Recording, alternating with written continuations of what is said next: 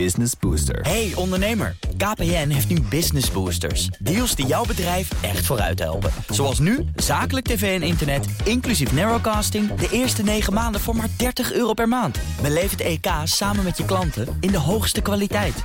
Kijk op kpn.com slash businessbooster. Business Booster. BNR Nieuwsradio. Boekenstein en de Wijk. Hugo Rijksma. Dit is een extra uitzending van Boekenstein en de Wijk... in verband met de oorlog in Oekraïne en de crisis met Rusland. Een crisis met ongekende geopolitieke gevolgen... die met een snelheid gaan die gewoon niet meer te volgen is... voor een wekelijks programma. En daarom ook vandaag Arend-Jan Boekenstein en Rob de Wijk. Of althans, Rob zit nu weer in een radio-uitzending... dus we zitten even alleen, Arend-Jan. Ja, we moeten even met z'n tweetjes doen. Dan spreken we vast daarna nog eventjes uh, met Rob. Te beginnen misschien maar de situatie op de grond. Voor zover te volgen natuurlijk. Hè. Er komt heel veel tot ons, heel veel beelden. Je weet niet van alles hoe ver het klopt. De fog of war is bekend. Maar wat is jouw indruk van wat je nu ziet van de, Russische invasie van Oekraïne? Nou, als we de Amerikaanse generaals bij CNN uh, mogen geloven, gaat het niet goed met die opmars van Poetin. Er zijn grote logistieke problemen, die we dit weekend ook al zagen, maar er zijn ook tactische en strategische problemen. Die conscripts, die dienstplichtigen in het noorden, die kijken soms om zich heen en weten niet waar ze zijn. En wat heel interessant is, is dat die Turkse drones... Hè, die uh, Erdogan heeft geleverd aan Zelensky, aan mm Oekraïne... die blijken dus heel effectief te zijn uh, in, in het uh, zeg maar, neerhalen van, van, van ja. tanks die oprukken. En met andere woorden, Oekraïne biedt echt serieus weerstand... en, en Kiev is, is, is niet ingenomen nog. En er is zelfs geen luchtoverwicht. Dus er is alle reden voor Poetin om nog eens achter zijn hoofd te krabben... wat hij allemaal heeft ver veroorzaakt. Ja, de Oekraïners onder leiding van president Zelensky... weten, naar het lijkt, op een indrukwekkende manier stand te houden. En ik moet zeggen, de, de PR is ook opvallend. Zou je niet zeggen? Zelensky zit op zijn telefoon en op Twitter... een beetje wapenleveranties te regelen door heel Europa. Tja, en hij heeft, spreekt zelfs de Russische soldaten direct aan. En ja. dan zegt hij in het Russisch van... waarom stoppen jullie eigenlijk niet met vechten? Nee, wat Zelensky deze dagen doet... Uh, getuigt van een grote, grote moed. En is ook heel effectief eigenlijk. Wat maak je in zijn algemeenheid van de westerse reactie tot nu toe? Nou, ik ben daar toch wel erg van onder de indruk. Ik wist namelijk niet dat het mogelijk was om ook het de sovereign debt, hè, dus die, die oorlogskast van 600 miljard. Ja. En nou blijkt dus dat een deel daarvan zit dus kennelijk in Amerika. Foreign currency reserves, dat zijn dus dollarvoorraden. En die worden nou bevroren. Dus een, een, goed deel van die 600 miljard, daar kan hij nu niet meer bij. Ja. Dat, dat is, lijkt me toch wel heel vervelend. Er is nog één lekke, dat is uh, Zwitserland. Die, Zwitserland zal al plat gebeld worden. Hè? maar, maar Japan steunt het dus nu ook. En dat betekent wel dat, er, uh, dat, dat de druk uh, op Poetin enorm groot wordt. En dat ook mensen in zijn buurt, die toch al second thoughts hebben over deze hele operatie, misschien eerder gaan zeggen van nou, Poetin, zullen we eens een goed gesprek hebben. Ja. Huh? Wat nog meer, we zien de voorheen neutrale landen als Zweden, Zwitserland, Duitsland in actie komen. Duitsland dat, dat eigenlijk in één klap zijn pacifisme van na de Tweede Wereldoorlog laat varen in, in een weekend. Zo... Het is zo ongelooflijk. De Duitsers, die, die Oostpolitiek hè, van Schmid en Brandt... die was nog steeds heilig. Hè? Wandelen door annäherung, dus verandering door handel te drijven... door aardig te doen, dan zou Rusland wel ontdooien. Dat is nu allemaal weggegooid, omdat blijkt dat Poetin daar niet gevoelig voor is. En nu heeft Scholz dus een historische speech... waarbij hij ook toegejaagd wordt door de Duitse Bundestag... waarbij hij zegt, we gaan 100 miljard extra uitgeven... en daarna gaan we nog meer dan die 2% per jaar doen. Nou, het is echt historisch wat hier gebeurt. Historisch gewoon. En ook de ja. EU, die zegt nou van nou ja, als je wapenleveranties doet, dan kan je de bonnetjes bij ons in, uh, inleveren. Dus de ja. EU speelt ook een rol in de wapenleveranties. Wat zou dit voor de EU kunnen betekenen? Nou ja, ik denk dus dat dit, dit, de, de wake-up call waar we heel vaak over gesproken hebben. Die gaat nu echt, uh, die komt nu echt dichterbij. Hè? Dat wil niet zeggen dat we gelijk een Europese krijgsmacht over hebben. Maar het idee van een Europese zuil binnen de NAVO. Hè?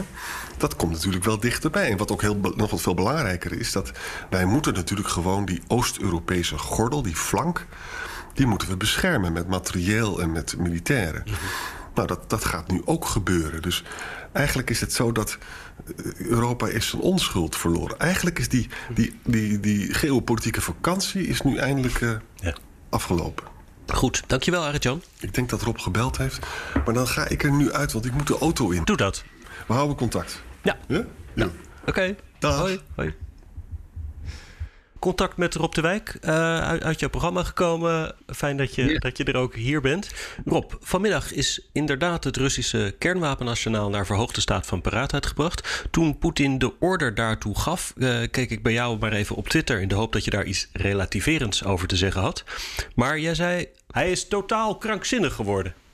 Dat is ook zo. Ja, hij uh, dreigt met uh, de inzet van kernwapens, althans indirect door uh, de, de, status van paraatheid te, te verhogen van zijn nucleaire arsenaal in een conflict eh, waar op dit ogenblik eh, de, de NAVO niet echt onderdeel van is. Eh, laat staan dat de NAVO het Russisch grondgebied bedreigt.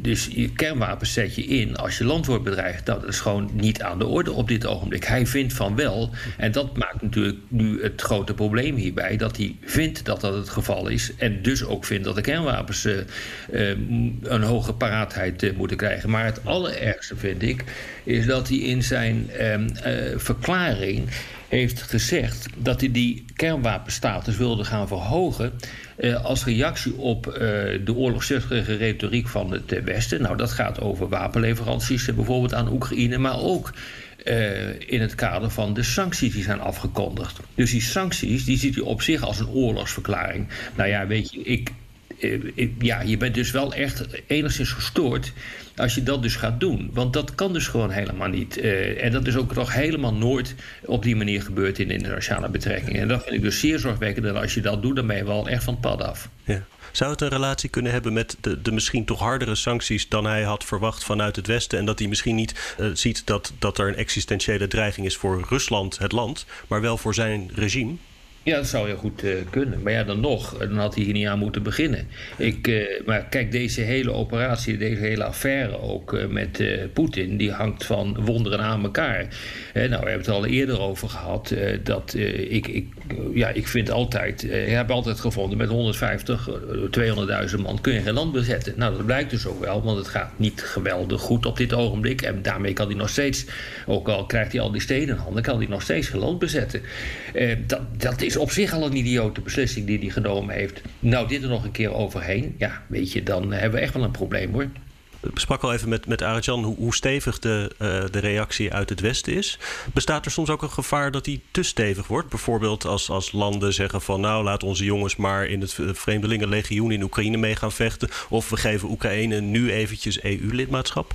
Nou ja, dat vind ik wel hoor. Ik denk dat je daar wel een goed punt te pakken hebt, Hugo. Want eh, waar ik me toch wel een beetje zorgen over maak, is uh, ja, de flinkdoenerij van nogal wat Europese leiders. Uh, ook Ursula von der Leyen die zei van nou, dit land is welkom als lid van de Europese Unie. Maar welk land is het dan wel, hè? Oekraïne? Mogen we daar dan misschien eerst even over praten? Is dat de helft van het huidige Oekraïne?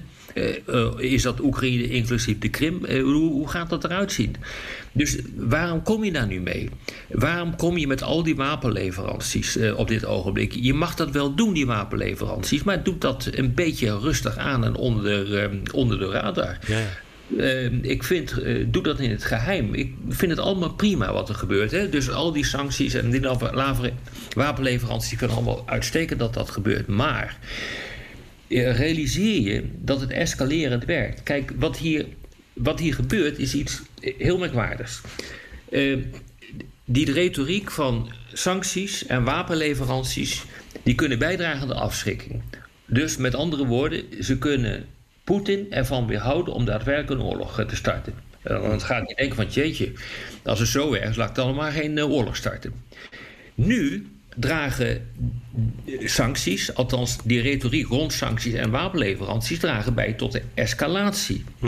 Dus uh, wat hier gebeurt, ja, het lijkt toch een klein beetje op, op wat amateurisme. Want als je kijkt wat Biden aan het doen is, die deescaleert. Die heeft dus niet zich laten verleiden door zijn kernwapenarsenaal. Uh, in een hoge staat van paraatheid te brengen. En die is ook redelijk op de achtergrond. Uh, Theodore Roosevelt, een verre, verre, verre voorganger van, uh, van deze president, die zei: Speak softly and carry a big stick. En dat is precies wat je moet doen. Maar wij, hebben, wij, wij, wij spreken niet softly, maar we carryen ook geen big stick hier in dit uh, deel van de wereld. En dat is het grote probleem. Hier word je nu geconfronteerd met het feit ja, dat je je krijgsmacht de afgelopen 30 jaar gewoon hebt afgebroken. Waar kijk jij de komende dagen vooral naar? Naar wat voor ontwikkelingen om te zien ja, hoe dit eindigt? Kijk, je, je, mag de heren op je blote knieën danken als er iets komt uit, dat, uit die onderhandelingen die op dit ogenblik gaande zijn. maar ik, nou, daar heb ik geen hoge pet voor op. Want ik heb toch echt het gevoel dat dat ja, eh, dat dat veel meer overgave eh, eh, gesprekken zijn. Van hmm. leg je wapens neer, Zelensky geef je over en dan gaan we wel bepalen wat er met jullie gaat gebeuren. Nou, daar gaat Oekraïne natuurlijk nooit mee, mee akkoord. Ja, waar ik naar kijk, het meest ben ik gewoon bang voor een ongecontroleerde escalatie. Dat er gewoon een doorgedraaide gek zit in het. ja, ik zeg het maar zo. Het is niet normaal de taal die ik uitsla in internationale betrekkingen. Maar hier, hier is een deel van de rationaliteit zoek. Ehm, eh, dat er dus zo iemand zit in de Kremlin. Uh, die op dit ogenblik ook zeg maar, uh, zijn, zijn critici uh, aan het wegduwen is. Ehm, zich ontwikkelt tot een tiran.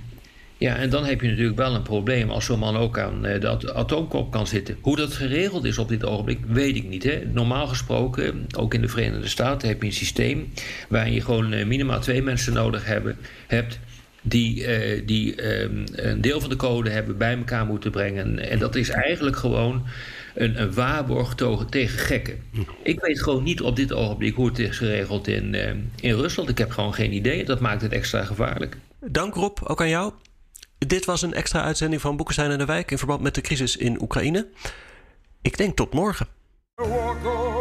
Hardlopen, dat is goed voor je. En Nationale Nederlanden helpt je daar graag bij.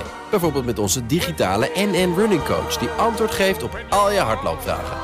Dus, kom ook in beweging. Onze support heb je.